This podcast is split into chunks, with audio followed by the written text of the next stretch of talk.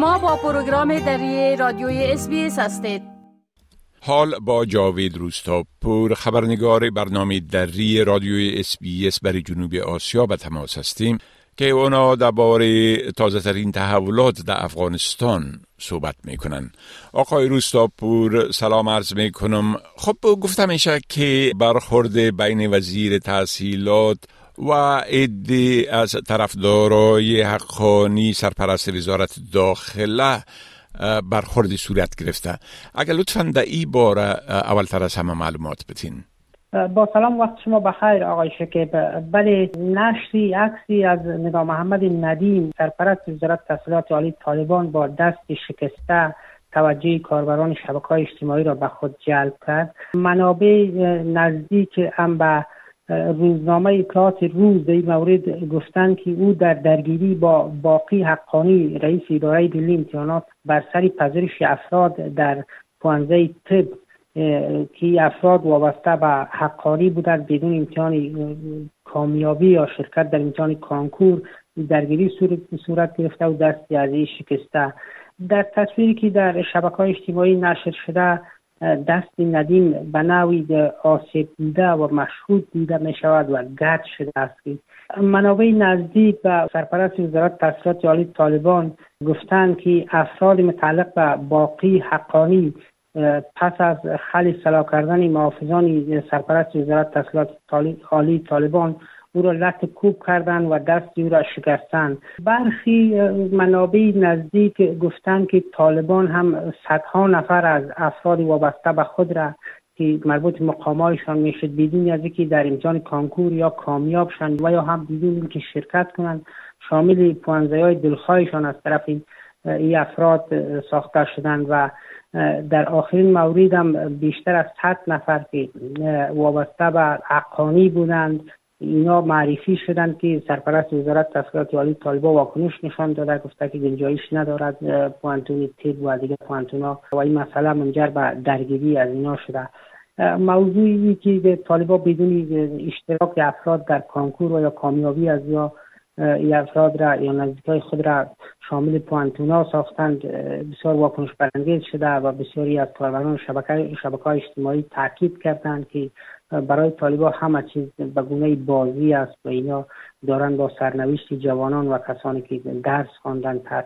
تحصیل کردن زحمت کشیدن بازی می‌کنن و بجای از یا افراد نزدیک به خود را که شاید مکتب را تمام نکرده باشن شامل پانتون می‌سازن که به این وسیله آینده افغانستان بسیار تاریک به نظر می‌رسد.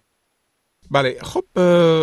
گفتم میشه که طالبا در مورد اظهارات ایالات متحده امریکا در باری این موضوع که داعش در افغانستان نفوذش بسیار زیاد است عکس عمل بسیار شدید نشان داده. بله؟ دقیقا زبیلای مجاهد سخنگوی طالبان روز جمعه یعنی دیروز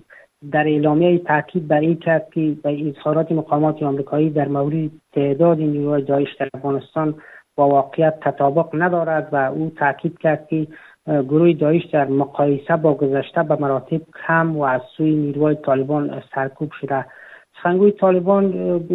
تاکیدش بود که دلچسپی مسئولان امریکایی به گفته او به این موضوع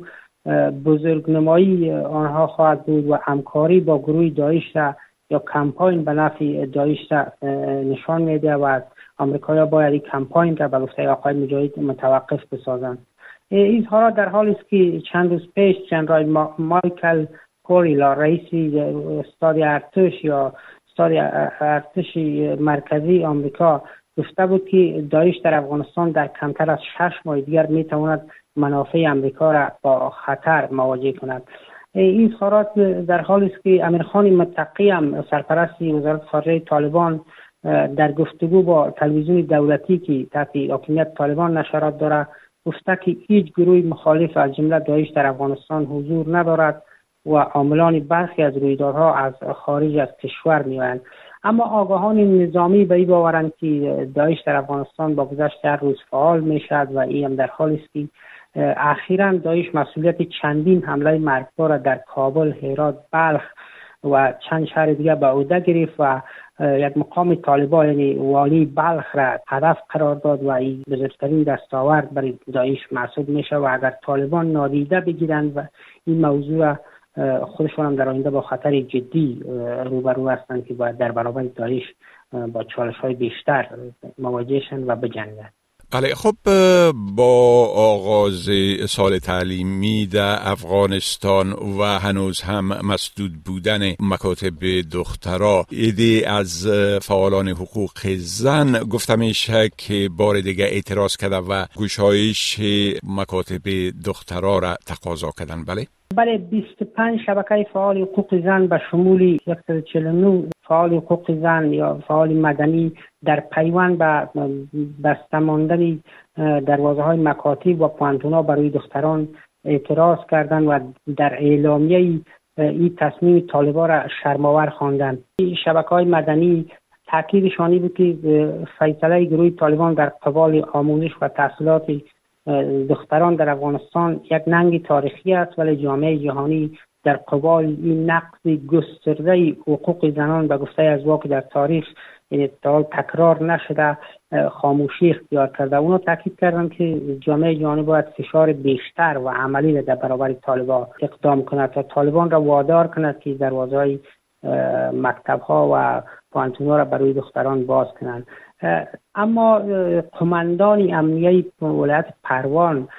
روز گذشته در یک نشست خبری گفت که او با جمع دیگر از های امنیه ولایات و قندار و دیدار عیبت رفته بودند. رهبر طالبا گفته که به زودی دروازه های مکاتب و پوانتونا برای دختران باز میشه و اونا در حال نهایی کردن یک طرح از سوی کمیسیون برای این مسئله هستند که مشکلات رفع بسازند. ولی مردم میگن یک طرح چقدر وقت می‌گیرد دو سال نزدیک به دو سال دروازه مکاتب بسته است و شش ماه پنج ماه بیشتر میشه که دروازه پانتونا هم بسته شد و این مسئله واقعیت ندارد. طالبان تنها می‌خواهند که بخش چشم مردم خواب بزنند و زمان را سپری کنند بله خب بسیار تشکر آقای روستاپور. از این معلوماتتان و فعلا شما را به خدا می سپارم روزتان خوش. وقت شما هم خوش خدا حافظ ناصرتان. می خواهید این گناه گزارش ها را بیشتر بشنوید؟ با این گزارشات از طریق Apple Podcast، Google Podcast، Spotify و یا هر جایی که پادکاستتان را می گیرید گوش دهید.